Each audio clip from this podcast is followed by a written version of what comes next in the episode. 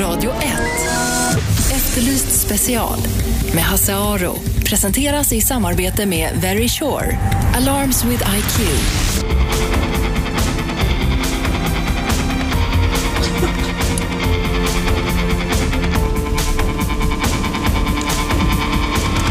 Välkomna hit, Efterlyst special. Hasse Aro heter jag. Vi har um, uh, antirasistvecka på Radio 1 den här veckan. Det tror jag inte har undgått er om ni har lyssnat på morgonen här. Och därför kommer jag då släppa lite på mina annars så hårt hållna tyglar och kanske inte bara prata om uh, Eh, brott och straff, utan eh, ett annat ämne som har fascinerat mig hela mitt liv faktiskt, nämligen när blir man svensk? Vi ska återkomma till det, men jag tänkte först berätta om lite saker som hänt i den brottsliga världen.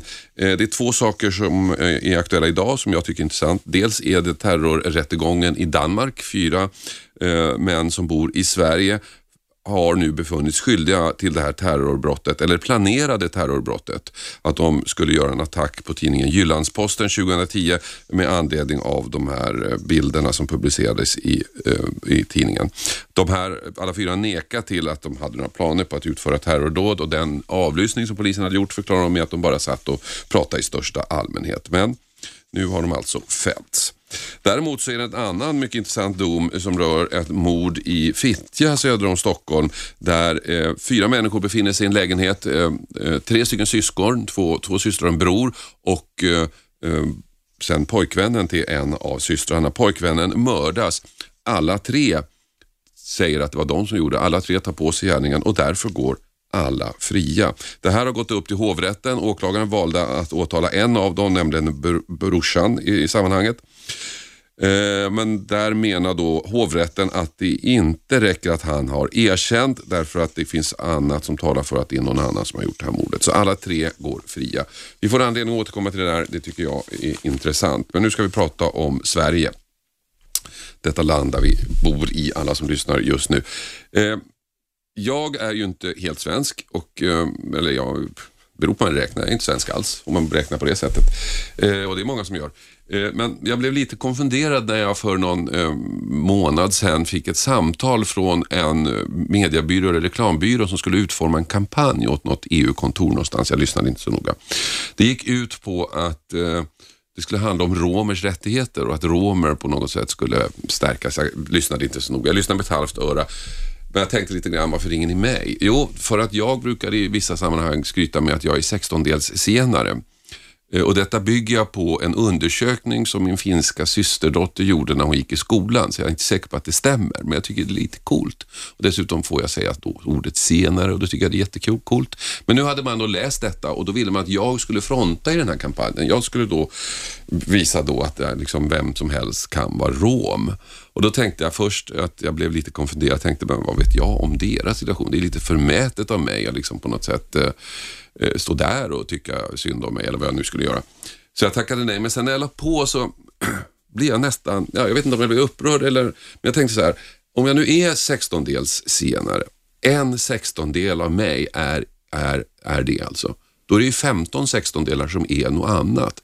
Och de räknas alltså inte, utan det är bara den här sextondelen som i det här sammanhanget räknades. Och då tänkte jag, när fan blir man svensk egentligen? Hur många sextondelar måste man vara? Måste det vara alla 16 delar? Så det här tänkte jag vi skulle diskutera idag och ni som lyssnar får jättegärna vara med. Jag har med mig några eh, namnkunniga människor. Ingen av dem är svensk tror jag faktiskt, om man är riktigt noga. Hasse Brontén, välkommen hit. Tack så jättemycket. Hur svensk är du? Jag är då på pappret 50% svensk och 50% tysk. Jag har mm. en dotter som är 50% italienska, 25% tysk och 25% svensk. Mm. Och när du är utomlands, vad säger du då? Nej, jag säger att jag är från Sverige, det gör jag helt klart. Mm. Pratar du tyska? Ja, det är Flytande? Ja, alltså jag har aldrig pluggat tyska, men mamma mm. pratade ju tyska hemma med oss eh, det gjorde hon. bröder då. Och då sa man, mamma, är vi i Sverige eller är vi i Tyskland? Mm försökte man ju, tyckte det var töntigt. Och, men det har man ju faktiskt haft eh, väldigt nytta av, att kunna prata tyska. Mm. Så kunde jag ju plugga franska i fem år och inte kunna det alls nu istället. Det är bättre, bättre språk att kunna tror jag än finska. Ja, som jag, som jag kan väldigt kanske, dålig, kanske. dålig finska, det kan jag säga. Det är värdelöst. Det har man ingen glädje av alls. Och nu när man är i Finland och ska vara stila så pratar alla engelska ändå. Marika Karlsson, hur svensk är du? På pappret inte alls. Nej. Eftersom jag är född i Etiopien och eh, adopterades hit till Sverige som liten flicka. Så på pappret är jag invandrare, eller icke-svensk. Jag vet inte vad jag är på pappret. Etiopier är väl då i så fall, Ja. om man utgår från det. Det är, det, I blodet, om vi pratar blodet, då är du 100% etiopier. Ja, det vet jag inte. Nej. Det, jag kan ju faktiskt ha lite ryskt blod i mig. De ryssarna har varit där, lite italienarna, man har ingen aning. Jag kan vara lite vad jag känner för, beroende på dagsformen helt enkelt. Mm. Är det bra det är fördelen med att vara hittebarn. jag tycker det är bara en fördel.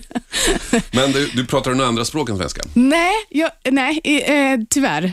Jag försökte läsa, eller att få lära mig amarinja, som är det stora språket i Etiopien. Jag ville ha det som hemspråk när jag var liten. Och Vi försökte eh, driva det då i familjen, men det gick inte eftersom det inte pratades i mitt hem, utan det är svenska som Ja, pratas i det. mitt hem. Ja. Så att eh, jag kan inte något annat språk. Jag hade inte lärt dig på Engelska, nu hemspråksundervisningen kan vi då. prata engelska. Ja, ja, men det förutsätter jag att de flesta kan. Jag ville vi bara kan ju alla. Ja, Nej, men jag det hörde nämligen anledningen till att jag frågade, jag hörde någon som sa något väldigt klokt en gång på radio. Så Ja. tänkte jag, men oj, det där var klokt sagt. Att hemlandet bor i språket. ja, det ligger ju Alltså det väldigt språk mycket i det. man talar, det är där man hör hemma så att säga, Ja. eller känner sig hemma. Ja. Men när jag reser och säger att jag kommer från Sverige så är det ingen som tror det. Det kan jag säga. Alla bara, no America, no Sweden, no, no. Sakine Madon, Ja. du är, ehm, ja, Marika och Hasse är ståuppare, men det fattar ju alla. Mm. Eh, Sakine, du är debattredaktör på Newsmill och skriver Mm. på Expressen också. Hur svensk är du? Ja, jag är ju svensk medborgare, men jag är samtidigt första generationens invandrare eftersom jag inte är född i Sverige. Och Jag har en förälder som är turk och en som är, är kurd och jag pratar de språken. Eh, så när man är svensk, jag tycker det beror väldigt mycket på i vilket sammanhang. När jag är och pratar eh, turkiska med mina kusiner i Turkiet så klagar de på att jag pratar med svensk brytning. Då känner jag mig inte så jätte... eh, ja, precis. Nej. Så det beror lite på. Mm. Men det här att du talar då tre språk som du tydligen själv tycker är flytande, men även om andra har synpunkter på med det. viss modifikation. Ja, precis. Gör det att du lättare kan liksom identifiera dig med att vara något annat än svensk? Ja, självklart. Eh, Men det är inte bara språken. Jag har ju bott i, i Flemingsberg och Gottsunda, alltså olika miljonprogram i Sverige. Och då, då känner jag viss samhörighet med, med befolkningarna i, de, eh, i, de, i den typen av liksom bostadsområden också. Eh, Det är lite svårt att sätta fingret på exakt vad det kan vara, men Ehm, och Sen också är jag ju väldigt intresserad av yttrandefrihetsfrågor, demokratifrågor och även utvecklingen i Turkiet. Och Då kan jag känna liksom lite större solidaritet med till exempel den kristna minoriteten eller med, med den kurdiska minoriteten och så. Så att det, det beror väldigt mycket på i vilket sammanhang. då, då om du är intresserad av yttrandefrihet och Turkiet, det kan ju finnas anledning då att vara väldigt kritisk mot Turkiet. är precis. det lättare att vara det om det är med turkar än med svenskar? Eh, Om jag är, ju- om jag är ja. kritisk mot Turkiet, blir du då liksom, hamnar du i försvarsställning då? Nej, det, det gör jag ju inte och det provocerar väldigt många landsmän. Jag skrev en ganska uppmärksammad text för, ja, vad är det nu, nästan sju år sedan, eh, som blev, eh, alltså det, det blev nyhet i, i Turkiet och så också, där jag nämnde just folkmordet, bristen på yttrandefrihet och kallade landsfadern för en galen general. Och ja, Många landsmän blev ju väldigt, väldigt arga på mig. Så att då tror jag snarare att det blev en sån här reaktion om att ah, nu är Sakine Madon en landsförrädare. Det var så jag beskrevs i, i turkiska medier. Eh, så att det är inte så att det alltid är lättare att eh, kritisera sina egna, eller vad man nu ska kalla det för. Själv är jag då ehm, finne till blodet. Båda mina föräldrar flyttade hit eh, var, var för sig och träffades i Södertälje. Och enligt familjemyten så var det eh, under slags, för min mamma var gift med och så skilde hon sig för min pappas skull och så blev det no, finnarna där skulle göra upp och de på med min farsa med kniv och så stod det i Länstidningen och så blev det väldigt fördomsbekräftande alltihop. Massa Ja, fulla det. finnar skulle Ja. hugga ihjäl varandra med kniv och så blev det då, eh, stod det en notis om det i Länstidningen. Jag vet inte, jag har inte kollat det faktiskt. Det kan ju vara så mycket annat man kollar upp från sina barndomshistorier, en myt. Eh, men det här med att vara, när, när alltså du sa att du, du sa första generations invandrare, Kinne. Mm. Det är Så, så ser du på dig själv. Nu finns det ju nu, jag har försökt kolla upp det där med statistikerna, man pratar inte så länge. Ja, det är inte politiskt ja. korrekt. Ja, första för, för några år sedan, för några år sedan så ändrar man, eh, då ändrar man eh, definitionen av, av just alltså personer med utländsk bakgrund. Tidigare så räckte det med att man hade en utlandsfödd förälder Mm. eller då att man själv var, var född utomlands. Nu krävs det att båda föräldrarna är födda utomlands eller att man själv är född utomlands. Mm. Men, men det där är ju väldigt flytande. var, var vi drar gränserna. Och jag tror att vi, vi är på väg bort från att väldigt få kunde vara svenskar till att väldigt, väldigt många fler Mm. kan Var drar du gränsen då?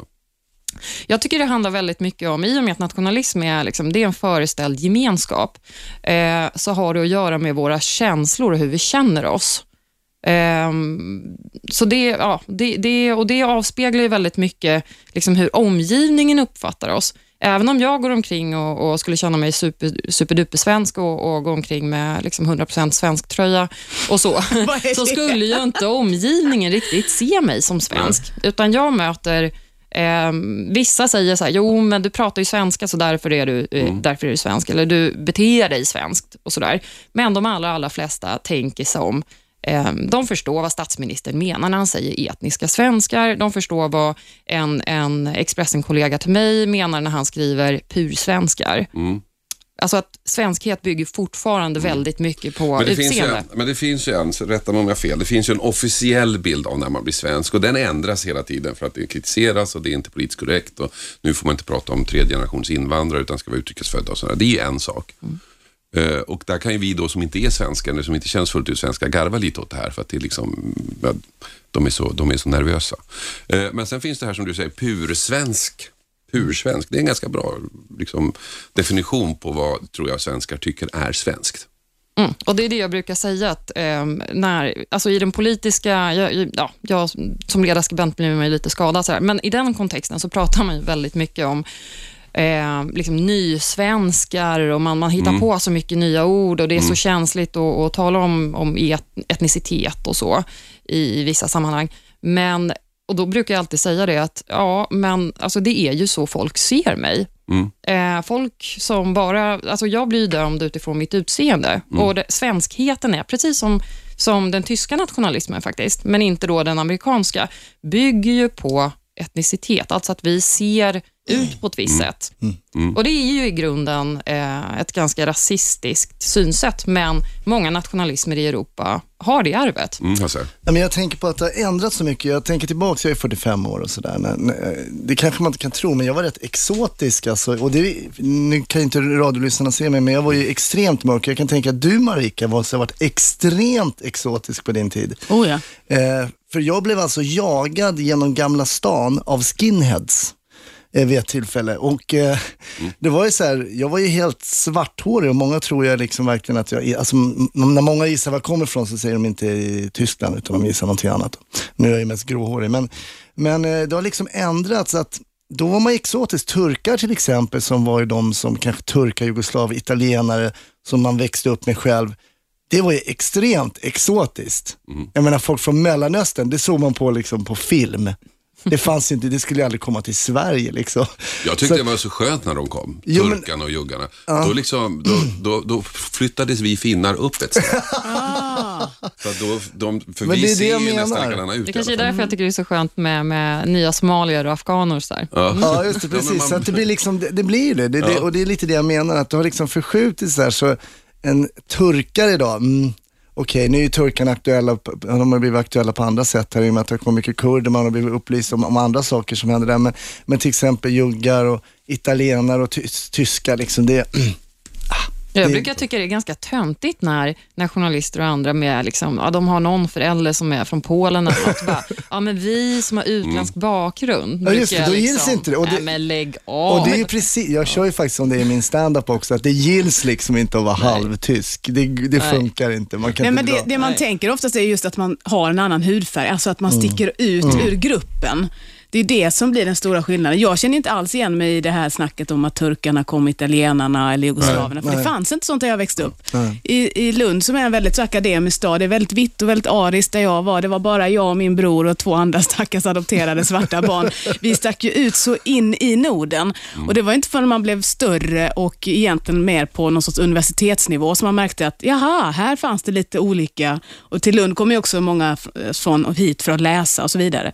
Så det där med hudfärg hudfärgen är, det spelar jättestor roll Absolut. Men har inte i det börjat ändras då? Eh, Jag tänker mig... Vänta, Ja, vänta. förlåt. vi måste, det går så fort när man har trevligt. Vi måste ha reklam. Det är ändå en kommersiell radiokanal det här. Så att, eh, vi får fortsätta efter. Ni som lyssnar, ring gärna in och berätta vad ni tycker. När blir man svensk? Eh, gärna om ni är födda utomlands, om ni känner er som invandrare, om ni är svenska. Ring in och berätta när ni tycker att man blir svensk. Jag lovar, vi ska vara jättesnälla mot er. Var inte oroliga. Vi är strax tillbaka. Radio 1. Efterlyst special med Hasse Aro. Presenteras i samarbete med Very Sure. Alarms with IQ.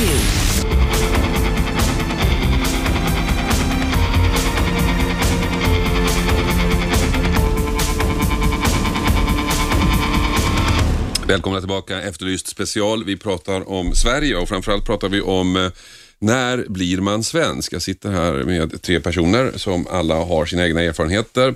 Hasse Brontén som är halvtysk, eh, Marika Karlsson som är hittebarn sa du från Ja, Etiopien. precis. På riktigt alltså? Ja, på riktigt. Ja, Verkligen. Och eh, Sakine Madon som är kurd Halvturk, Turk. halvturk. Ja. och eh, vad var det den sista tredjedelen? Nej, det, jag, jag vet inte om jag har något mer faktiskt, okej, okej. men möjligen. Okej. Säkert något litet arabiskt någonstans eller ja, vad som Ja. helst. You Och- never know. Jag vill att ni skulle ringa in och eh, berätta när ni tycker att man blir svensk. Och det, jag måste säga att det ringer som 17. Vi börjar här. Hallå? Ja, hejsan. Hej. Mitt namn är Mejan. Hej Mejan, vad tycker du?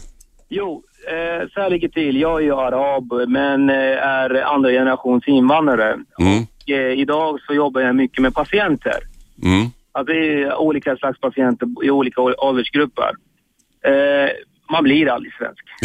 så, länge, man ser ut som man gör, liksom svarthårig och eh, riktig invandrare med andra ord. Nej. har folk fördomar. Alltså det räcker med att ibland sitter jag med en patient, eh, så fort han eller hon kommer in så tittar de lite konstigt så här, men kan han verkligen svenska? Och drar den här fördomsfulla liksom, tanken på en gång. Men eh, när de väl känner eller lär känna mig så får de andra tankar. Mm. Så, så länge vi ser ut som vi gör så blir man aldrig svensk. Jag, Men, nej, men om man då kommer in och ser där och så ser man du ser inte svensk ut så reagerar man på det att du inte är svensk. Men där i behöver det inte ligga något ont. Eller hur? Nej, nej exakt, exakt. Men eh, vad jag märker av liksom eh, så är man rädd eller lite, lite osäker för det som är lite annorlunda. Mm. Framförallt som, ja, för den som bor här i Sverige, det vill säga en svensk. Men det, jag bara hoppar in här, jag känner igen mig i det du menar. Jag tänker så här att man måste bevisa på något sätt hela tiden. Man måste bevisa att jag klarar också det här. Jag förstår ditt språk, eller jag har samma språk, jag har samma kunskap som den ljushyade personen bredvid. Eller? Exakt, exakt, hela tiden. Man försöker påvisa hela tiden att man, jag kan det här, alltså lita på mig. Och eh, det blir ibland extra jobbigt för en själv att hela tiden ha den här tanken eller eftersträvan. För Jag har jobbat inom vården och det var ju patienter som inte ville att jag skulle ta hand om dem överhuvudtaget. Ja, det är rätt vanligt. Ja, det var liksom bara, hon kan ingenting, hon är en svarte galningen. Du vet, det, var liksom, det var helt kört. Så jag förstår dig. Okej, tack för att du ringde. Tack så du ha, tack. Tack. Ja. Hallå, vem där? Hallå? Hallå, vem där? Tja, Tjena. David. Hej David. Eh, min tjej, hon är från Tyskland. Ja. Och Yes. hon, brukar, skäm- och hon brukar skämta och säga att, att den dagen man tycker det är okej att betala 50 kronor kronor för en bärs på krogen, då är man, då är man svensk. Den dag man, jag hörde inte. Den dagen man tycker det är okej att betala 50 kronor på, på, på krogen för en öl, då är man Jaha, då är man svensk. Shit, det var ett eh, väldigt vitt Ja, eh, men, men, begrepp. alltså, men eh, jag tycker så här, så, så länge man eh, anpassar sig för, efter det svenska samhället så gott det går och eh, är svensk medborgare, då är man svensk tycker jag.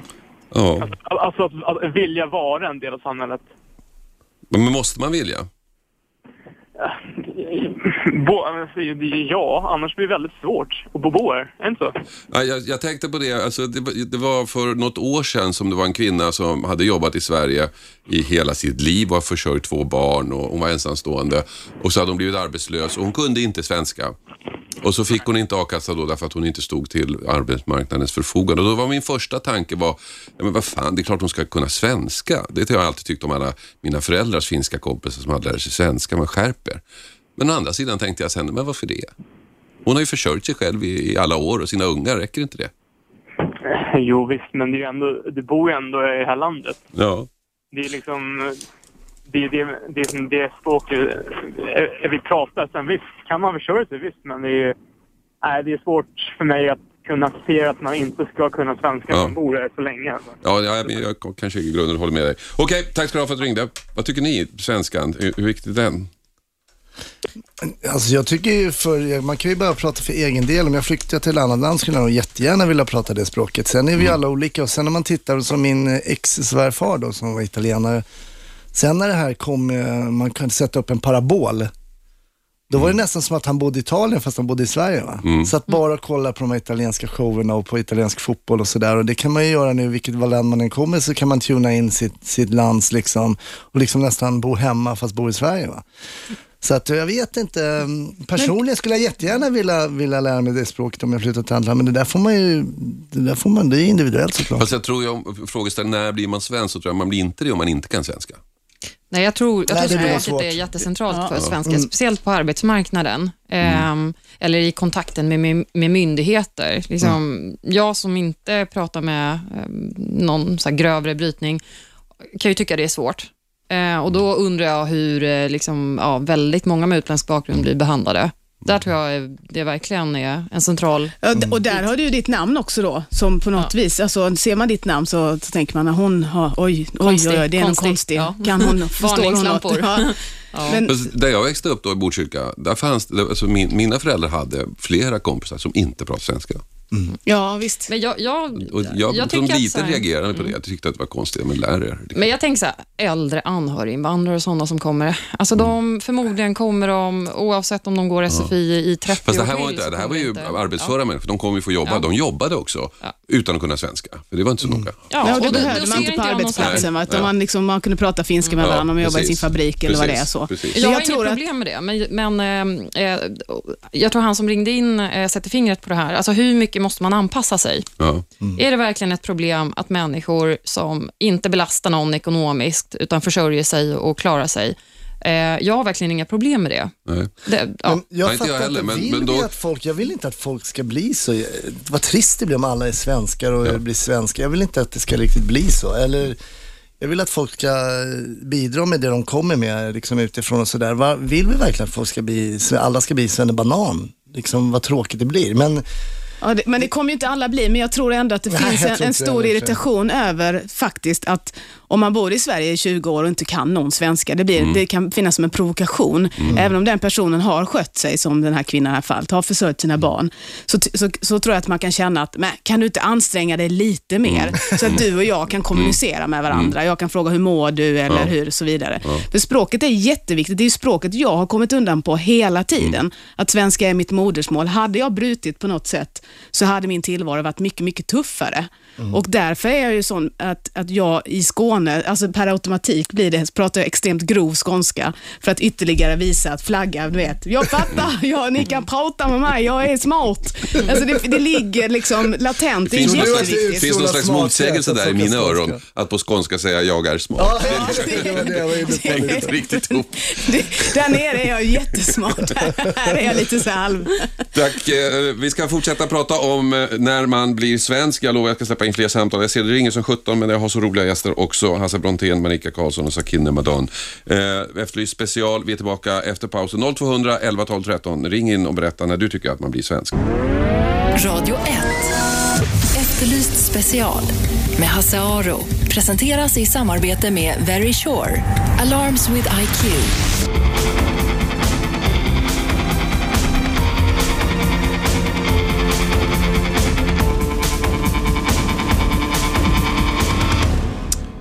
Välkomna till Efterlyst special. Hasse heter jag. Jag sitter här med Hasse Brontén, Marika Karlsson och Sakine Madan. Vi pratar om när blir man egentligen svensk? Vi har inte kommit någonstans. Men vi har väldigt trevligt att fortsätta. Ni får också ringa in 0200 11 12 13. Hallå, vem där? Hallå, Hallå? vem där? Ja, hej, det är Jesper. Hej Jesper. Hej, jag tänkte bara höra, när blir man svensk? Jag har jobbat i 38 år. Jag har ju varit tävlat för Sverige och då är jag svensk. Hur länge har du bott här sa du? 38 år. Ja. Och när jag la av, då blev helt plötsligt jag är inte svensk längre. När du la av med vad då? Idrotten. Jaha, okej. Och jag måste få veta när, när är man svensk egentligen? Ja, men det där gillar ju vi svenskar att ta in idrottare från andra länder och sätta ge dem svensk medborgarskap. Då är det helt okej. Men sen när de slutar då så? Ja, då- Då är det kört igen. Och jag, jag har inte riktigt fattat hur... och jag, jag, helt plötsligt, jag är inte svensk längre. Men vet du, jag tror, alltså den här killen som ringde förut som jobbade med vården, när han sa aldrig. Jag tror han har en poäng där. Man blir aldrig svensk. Och det låter ju så sorgligt när du säger så. Att man Nej, aldrig, eller det- sorgligt, sorgligt, men som att du vet, det är kört. Det är Ja, bara... men det tror jag att Det är. Men måste det finaste en människa kan, en människa kan vara, måste det vara att vara svensk? Ja, Ja. precis. Jo, det jo, undrar jag också. så- är jo. den klubben så jävla Men fin? är det verkligen, ja, men precis. För är det låter verkligen som den man bästa vill- av alla komplimanger när folk säger det till en. Så här, Nej, men men det- Saken, du är ju svensk och då är det meningen att man ska liksom jubla. Ja, men det har väl att göra med någon sorts grupptillhörighet som, man, som vi alla söker hela tiden. Så Ja, att fast om, ibland när jag är som bittrast, ja, då kan jag tycka det. Alltså, I Sverige så är svensk, svenskar det är den finaste klubb som finns. ja. Och där blir man fan inte medlem förrän efter fem generationer typ. Fast jag har bestämt mig att jag är medlem där. Mm. Fuck the rest. Jag är svensk. Ja, men alltså verkligen. Jag så skiter i att folk inte tycker det. Utan jag har bara bestämt mig för det. Sen så, eh, det, det, jag har inget annat val. Alltså jag, vad ska, vad ska jag annars identifiera mig med? Jag har inte som ni något annat påbrå med några föräldrar som pratar något annat språk eller så. Jag vet inte vad jag ska ta vägen, så jag, bara, jag har bestämt det. Ja, det är bra. Biter fast blodigel. Ja. Alla andra bara nej, jag bara jo. Kör på. Ja, vi fortsätter. Hallå, vem där? Hallå? Hallå, vem där? Eh, hej, ska vi lösa upp den gordiska knuten? Willy heter jag. Hej Willy. Willy heter jag. Eh, det kom, jag har väntat så länge här. Ja, jag vet. Det, ringer jättemycket. Eh, Ska vi ta ett Alexanderhugg? Ja. Eh, jag såg ett tv-program här för, eh, på Sveriges Television för två, tre år sedan, en dokumentär. Det var tre muslimska kvinnor som var ute och intervjuade lite folk. Mm. Och då frågade de en eh, känd partiledare, Eh, eh, när blir man svensk? Och då tittar och det alltså, är det första, andra, tredje generationen eller eh, vilka kriterier eh, behövs det för att man ska kunna styrka att man är svensk? Eh, då sa, sa han helt lugnt så här att eh, ja, lite eftertänksamt, när man känner sig som svensk. Mm. Det var det Marika sa förut också. Jag vet inte om vi var i... Ja, Vi har inte sändning då. Ja. Nu ska jag tala om för, för alla som lyssnar på det här programmet vem det var. Och då kommer ni kanske att ramla av stolen här. Ja. Du, du har ett härligt gäng där förresten. Jag gillar alla dina gäster. Du Tack. Vi gillar dig tillbaks. rätt. Men Ja. det var faktiskt Jimmy Åkesson. Alltså. Ja, ni kan göra research där på, det är två eller tre år sedan det gick någon do- dokumentär på SVT 1 eller 2. Ja, ja. Det var mitt bidrag. Okej. Hoppas jag inte punkterar debatten. Nej, inte alls. Nej, absolut inte. alls. Den Nej, nej, kommer på, på, I mitt fall har den pågått i 55 år. Så att det... Inte Men nu löstes den. Ja. Precis. När det är bara en kvart kvar, vad ska jag då? Tack ska du ha Willy. Tack. Eh, ja, när man känner sig svensk. Var, du var inne på det. Ja, men jag, det är just det här som man, eftersom jag känner mig som svensk, jag kan inte identifiera mig med varken världsdelen Afrika eller landet Etiopien. Och då, då tänker jag att då är jag svensk. Sen kommer inte omgivningen behandla mig som den svenska, om jag hade varit blåa ögon och blont hår och ljus hy, ni förstår hela bilden. Liksom. Och då tycker jag att ja, men då är man ju svensk. Och Sen så tror jag att väldigt många känner sig både svenska och kanske turkiska eller persiska eller tyska eller finska eller vad det nu än är. Och att man är rätt nöjd med den alltså tillvaron. Men det som jag tror att jag skulle i alla fall, i min, det jag skulle vilja eftersträva, det är ju att jag i min vardag skulle bli behandlad som att jag var blond och blåögd och inte ständigt behöva bevisa att jag är, jag är svensk och jag kan den här kulturen och jag kommer komma i tid till mitt jobb och jag kommer servera havregrynsgröt på morgonen när ni vill. Alltså, eh, det är det. Det är där krocken ligger. I mitt fall så, jag jobbade på Radio Västmanland med, eh, hade vi en finsk reporter, Hanno Hopponen, som var kraftigt fördomsbekräftande när det gäller finnar i alla avseenden. Men han fick mig att tycka att det kan vara lite ball att vara finne också. Ja. Och där någonstans landar man i det, då landar man i en, när man är man svensk också. Ja. sätt, tror jag. Absolut. Och Sen tror jag att många av oss som, som har någon sorts dubbelidentitet på något sätt, man kan ju utnyttja det lite ibland. Man kan ju zigzacka däremellan. Eller hur? Det har jag gjort. Jag, menar, jag har lyckats ta mig in på krogen bara genom att hålla tyst och slä, ta fram pengar och låtsas att jag inte kan svenska. Alltså ni förstår vad jag menar. Liksom, Men jag, att jag, man, vet, jag, tänkte på, jag tänkte på det här med, um, jag tänkte på USA, liksom, där man inte, där, jag vet inte om de har den diskussionen där, när blir man amerikan? Utan det är mer så bara pff, slänga in folk och när man- när man kommer blanda, dit. upp, ja, men blanda upp oss. Liksom. Och då är man där så är man Ja, men det är det, på något sätt. Precis, och det är där, den nationalismen jag tycker är så otroligt spännande och intressant. För där Mm. är man ju ofta olika kombinationer, men man är Precis. ändå amerikan. Ja. Ehm, han som ringde in som nämnde SD, en sak om SD också. De ändrar faktiskt i sitt principprogram i vintras, när de antog ett nytt, eh, så ändrar de en formulering om att vi måste sträva mot etnisk homogenitet. Och nu heter det att de står för en öppen eh, svenskhet och sådär. Så att även i liksom, vårt då, främlingsfientliga parti i riksdagen så börjar det där. De har fattat att ah, det gäller att liksom gå ifrån det här lite mer rasistiska synsättet till en mer öppen svenskhet. de är tillräckligt sluga författare ju. Ja, det är precis. briljant gjort. Ja, men det är det. Hallå, välkommen till Radio 1. Nej. Hallå där, välkommen till Radio 1. Hallå, välkommen till Radio 1. Ja, tjena killar. Hej Kille. Tja. Uh, jag har lite fråga till Hasse, uh, den komiker-Hasse. Ja, Mm. roliga Hasse. Uh, alltså det här har ingenting med den här frågan att göra. Nej. Det här är bara, det här är fråga, du är ju gammal polis, eller hur? Ja, jo, det är så. Ja. Jag tänkte bara höra hur det var då liksom, om du hade, om det, är det mycket fördomar inom polisyrket, alltså sådana invandrarpoliser? Nej, jag måste säga alltså att när jag jobbade som polis då, jag jobbade ju på Norrmalmspolisen sex år, jag började där och det är ju den mest omtalade polisen, det skulle vara så rasistiskt och sådär, men vi jobbade ju med både svarta poliser och blandat, alltså det är väldigt lite rasism om man, när man har jobbat där i, i förhållande till vad man läser i tidningarna faktiskt.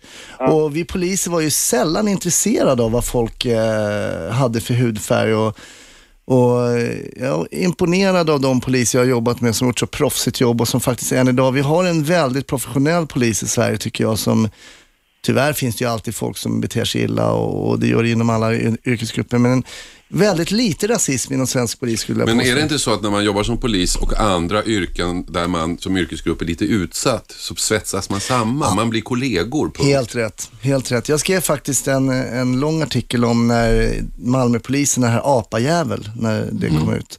Om att det kanske inte var ett tecken på rasism. Eh, Det blev väldigt eh, missförstått i vissa delar så. Men jag menar på att när man jobbar tillsammans och sitter i en buss och så, så där så så säger man ibland saker som man kan säga till varandra. Jag vet att jag och Marika, vi skämtar varandra. Hon kan säga väldigt ta- taskiga grejer till mig och jag kan säga väldigt taskiga saker. Och vissa saker som jag har skämtat om Marika skulle jag inte vilja få citerade liksom, för att det kan låta väldigt, väldigt fel. Men eftersom Marika känner mig så kan jag göra det här. Och så kan det bli också ibland. Eh, men svaret på din fråga då är väl att eh, jag tycker inte att svensk polis är så rasistisk som de framställs. Men det är ju mer spännande i pressen att framställa poliser som väldigt rasistiska och vill ut och slå på folk som har mörk hy. Välkommen till Radio 1. Hallå? Hej, vem där? Eh, Jag, skulle vilja, jag är också invandrare från Europa. Jag också sikte komma fram. Ja, du är framme. Kör, Ska jag prata? det tycker jag. Ja, ni pratar där, eh, men ni pratar aldrig om invandrare från Europa som jag. Nej. Ja, det är så att... eh, eh,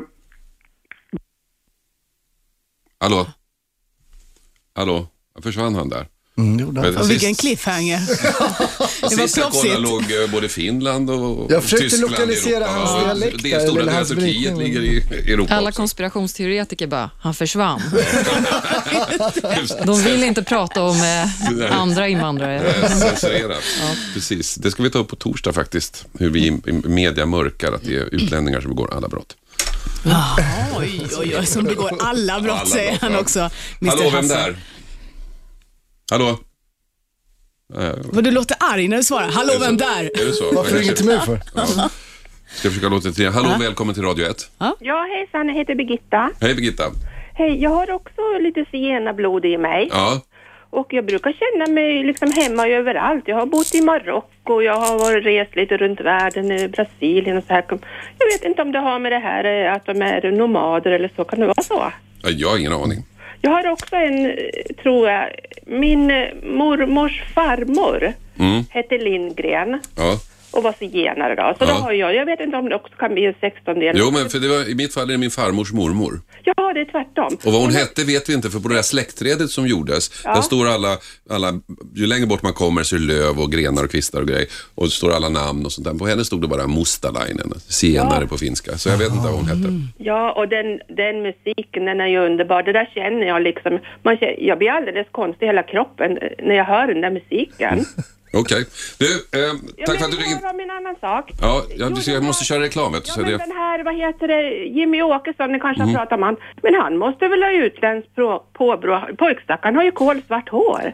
ja, ja, Så det är Antagligen. referensen. vi vet inte. Kanske hårfärg. Tack ska du ha för att du ringde. Efterlyst special. Vi fortsätter en stund till. Diskutera när blir man svensk. Fortsätt ringa in 0200 11 12 13. Eh, vi är strax tillbaka. Radio 1. Efterlyst special med Hasse Aro. Presenteras i samarbete med Very Sure. Alarms with IQ.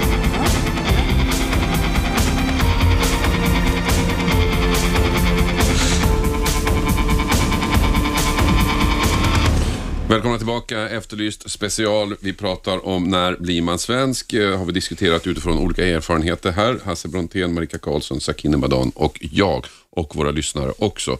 Eh, som till exempel, vem har vi där? Kim heter jag. Hej Tim. Tjena. Eh, Kim var det. Och Kim. Eh, jag tänkte bara säga, jag brukar drömma till mina så kallade svenska vänner med ett, ett eh, papper som jag har. Jag är adopterad jag fick ett papper från PRV att jag var svensk medborgare. Så jag är nog svenskare än de allra flesta svenskar. Ja, jag har också ett sånt papper faktiskt. Oj, det har inte jag. När diskussionen kommer igång då brukar jag dra fram den. Hur många av er har det här pappret? Men det får man bara när man, när man byter medborgarskap tror jag. Precis. Får man ett bevis på att man är svensk Så medborgare. jag känner mig väldigt svensk. Ja, du låter väldigt svensk. Ja, jag tycker jag, jag blir väldigt trött när man har den diskussionen med andra och tredje och fjärde generationens invandrare. Mm. För att eh, jag tycker man är svensk när man kommer hit och eh, vill leva som svensk och bli svensk medborgare. Just det där med andra, och tredje och fjärde reagerar jag ganska kraftigt på. Det pratar man om i, i, i, i, i brottssammanhang också, med invandrare begår brott och ja, sådana här saker. Andra, mina barn, alltså, finns, alltså mina barn är verkligen hur svenska som helst. Om de begår brott, då ska de hamna i någon slags invandrarstatistik. Ja. Vilket är lite konstigt tycker jag. Ja, Eh. Men de som hittar på det här, eh, det är ofta de välmenande människorna. Ja, De som ringer och frågar mig om jag kan tänka vara med i en kampanj för att öka romers rättigheter. Och jag kan ju tycka att de är, lite, de är jobbigast. Alltså, Ja, ge, ja. Ge, mig, ge mig hellre en sverigedemokrat. Det klarar Ja, jag av. Men en välmenande människa som, ja ni förstår vad jag menar. Ja, eller? absolut. Jag Känner träffade en, en sån kvinna som jobbar på SFI i Malmö, alltså svenska för invandrare, som var sån här, liksom, vet, här, här har vi människor från hela världen och det är så härligt att vara här. Och så ska de alltid Och så- prata med en som om man vore fem. Ja, och sen så hade, hon, så hade hon då startat fyra körer och de hette Världens kör, för alla kom från hela världen. Och de andra tre körerna hette också Världens kör. Och så tvingades de att stå och sjunga sånger som hon själv hade skrivit. Och för att är de inte där på sina lektioner får de inte någon ersättning och Mm. bara solen går upp, solen går ner. stackars Ja, stackare. Men hon tyckte själv att hon var världens finaste Ja, ja. svensk som bemötte alla dessa fantastiska människor. Ja, det Men var det där, någonstans, där någonstans blir det ju svårt på riktigt. Därför att det finns ju, och då, du, en del av de människor som bestämmer över oss alla är ju där på något sätt. Och Mm. frågan är, är de bara dumma huvuden eller är det, finns det någon slags en omvänd rasism i bakhuvudet på dem? Eller Fast- hur funkar de? Jag Jag tror, att, ja, nej, nej, men jag tror att vi nöter ner det här sakta utan att vi märker. Jag kommer ihåg när jag började på polisskolan 1988 hade vi en diskussion om, så här, tror ni att det kommer finnas någon i framtiden som till exempel heter Mohammed Andersson? Ja, och då satt någon och garvade, och han precis satt och garvade så här, men skärp dig, liksom, ska inte heta Mohammed Andersson, det, det funkar inte liksom. Och nu har jag en brorson då som heter Fehim. Eh, som inte låter typiskt eh, svenskt. Så att vi liksom nöter ju in det här i varandras familjer och allt det här. Så den här diskussionen om ytterligare 20 år kommer ju vara helt annorlunda. Men de som ägnar sig åt den här välmenande rasismen, det är ju ofta alltså, folk med, på maktpositioner som sällan liksom, har någon koll på eh, utomeuropeiska invandrare för fem öre. Eh, och där tror jag att de tror att de ökar tolerans genom att vara som de är och genom att tala om för mig liksom, att jo, men du är ju nysvensk, eh, tjo och tjim. Sådär. Så att, ehm, och det där kan ju gå, gå väldigt långt ibland. Det är därför vi har haft så himla svårt att ta i, i debatten om hedersrelaterat våld till exempel. För att man tror att ja, men, ehm, om vi behandlar alla lika eh, så kommer det leda till ökad intolerans. Jag tror ju precis tvärtom. Man måste strunta i om förövare har utländsk bakgrund eller inte och behandla alla, alla barn och ungdomar ehm, Helt rätt. precis på samma sätt. Helt Liksom. Och det har vi inte riktigt gjort. Nej. Ja. Men är den farligare då, den här välmenande rasismen? Ja, den är svårare att upptäcka. Den är svårare att upptäcka. När Ja, och- och den- och den- då ser vi det ganska Ja, tydligt. om någon säger något väldigt dumt och tydligt till dig, säger vi finnjävel, bara, då har du något att hugga på. Men när någon är bara säger vad härligt med Finland och det är så trevligt. Alltså det är så svårt och man känner sig kränkt, men samtidigt om jag är taskig mot den så tänker den, men jag var ju bara vänlig. Jag ville bara väl. Ja, men du, du pekar ännu mer på mitt utanförskap med det bemötandet som du ger mig just nu. Och det är en väldigt knivig, tycker jag i alla fall, situation man hamnar i. Jag är som uppväxt i sån här pingstväns, äh, pingstvärld, liksom, pingstvänner, det har ju så mycket sånt hela tiden. Med att liksom, du ska vara så glad Du att du har fått komma hit. Ja, men, men, nej. ja, men du vet det, så man bara... Men, Men jag- just det att man ska ja. vara tacksam hela Ja. tiden, det kan jag också bli Ja. så otroligt trött på. Eller att många tror, att, som jag sa innan, alltså att det vackraste och finaste en människa kan vara, det är att vara svensk. Och när de ger dig det erkännandet, då, alltså, ja, och då kan jag bara känna så här, nej, alltså ta din svenskhet och, och ja, ja, stoppa upp den någonstans, höll jag på att säga. Ehm, så att det där är ju också väldigt provocerande. Så här, ja, men varför ska inte jag accepteras för den jag är, även om jag inte känner mig som svensk? Men blir det, blir det vanligare eller håller vi på, som Hasse inne på, att eh, luckras upp? Att vi blir mer liksom, mångkulturella och det är inte så viktigt Jag tror att det skiljer sig jättemycket på var i Sverige man bor. Alltså Stockholmsregionen eller storstädsregionerna ser ju annorlunda ut än eh, i Småland där jag har släkt och mycket vänner som man åker till. ser helt annorlunda ut där. Men å andra sidan, någonstans måste det börja. Så att det är bra att det börjar någonstans och jag tror att det kommer byggas ut. Men jag tror det kommer ta väldigt lång tid innan man har en Mohammed Andersson och tycker att det är helt naturligt. Eller att man pratar svenska med någon som har en mörk hy och förutsätter att den personen kan svenska. Att man inte börjar prata engelska som alla gör med mig. Och någon. Sen, sen har jag en annan sån här fråga så här innan vi slutar. Eh, när blir man svensk? Eh, det vet vi inte.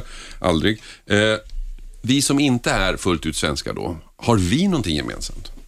Ja, utanförskapet. Alltså en känsla av utanförskap, om ni förstår vad jag menar, i, i hur man blir bemött, hur man blir behandlad, i de små Men det kommentarer finns, om vi ska vara finns det ju en gradering även bland oss. Ja, Absolut. ja, vi som, så, sådana ja. som jag är ju nästan svenskar ändå. Ja. Jag har ju, jag har ju framförallt mött, eh, alltså de som har varit rasistiska mot mig, det har i nästan alla fall varit folk som själva har utländsk bakgrund. Mm. Så att där, de känner inte jag särskilt stor gemenskap med. Min mamma var inte nådig kan jag säga. Nej. Ja, när vi kom hit, då var det så och så och så. jo, men nu min, ska de ha allting min mamma också. Men hon är ju tyska så de är stenhårda, det vet jag. Okej, eh, tack för att ni kom hit. Eh, Hasse Brontén, Marika Karlsson och Sakine Madon. Det var roligt att ha er här. vi vara här. har eh, antirasistvecka på eh, Radio 1. Det här var en del av den. Den fortsätter. Eh, Efterlyst special imorgon kommer vara lite mer allvarligt. Då ska vi prata om jihad, jihad i Sverige och eh, när slutar man diskutera jihad och börjar diskutera rasism? Var går gränsen? Så missa inte det. 101,9 Radio 1. Sveriges nya pratradio.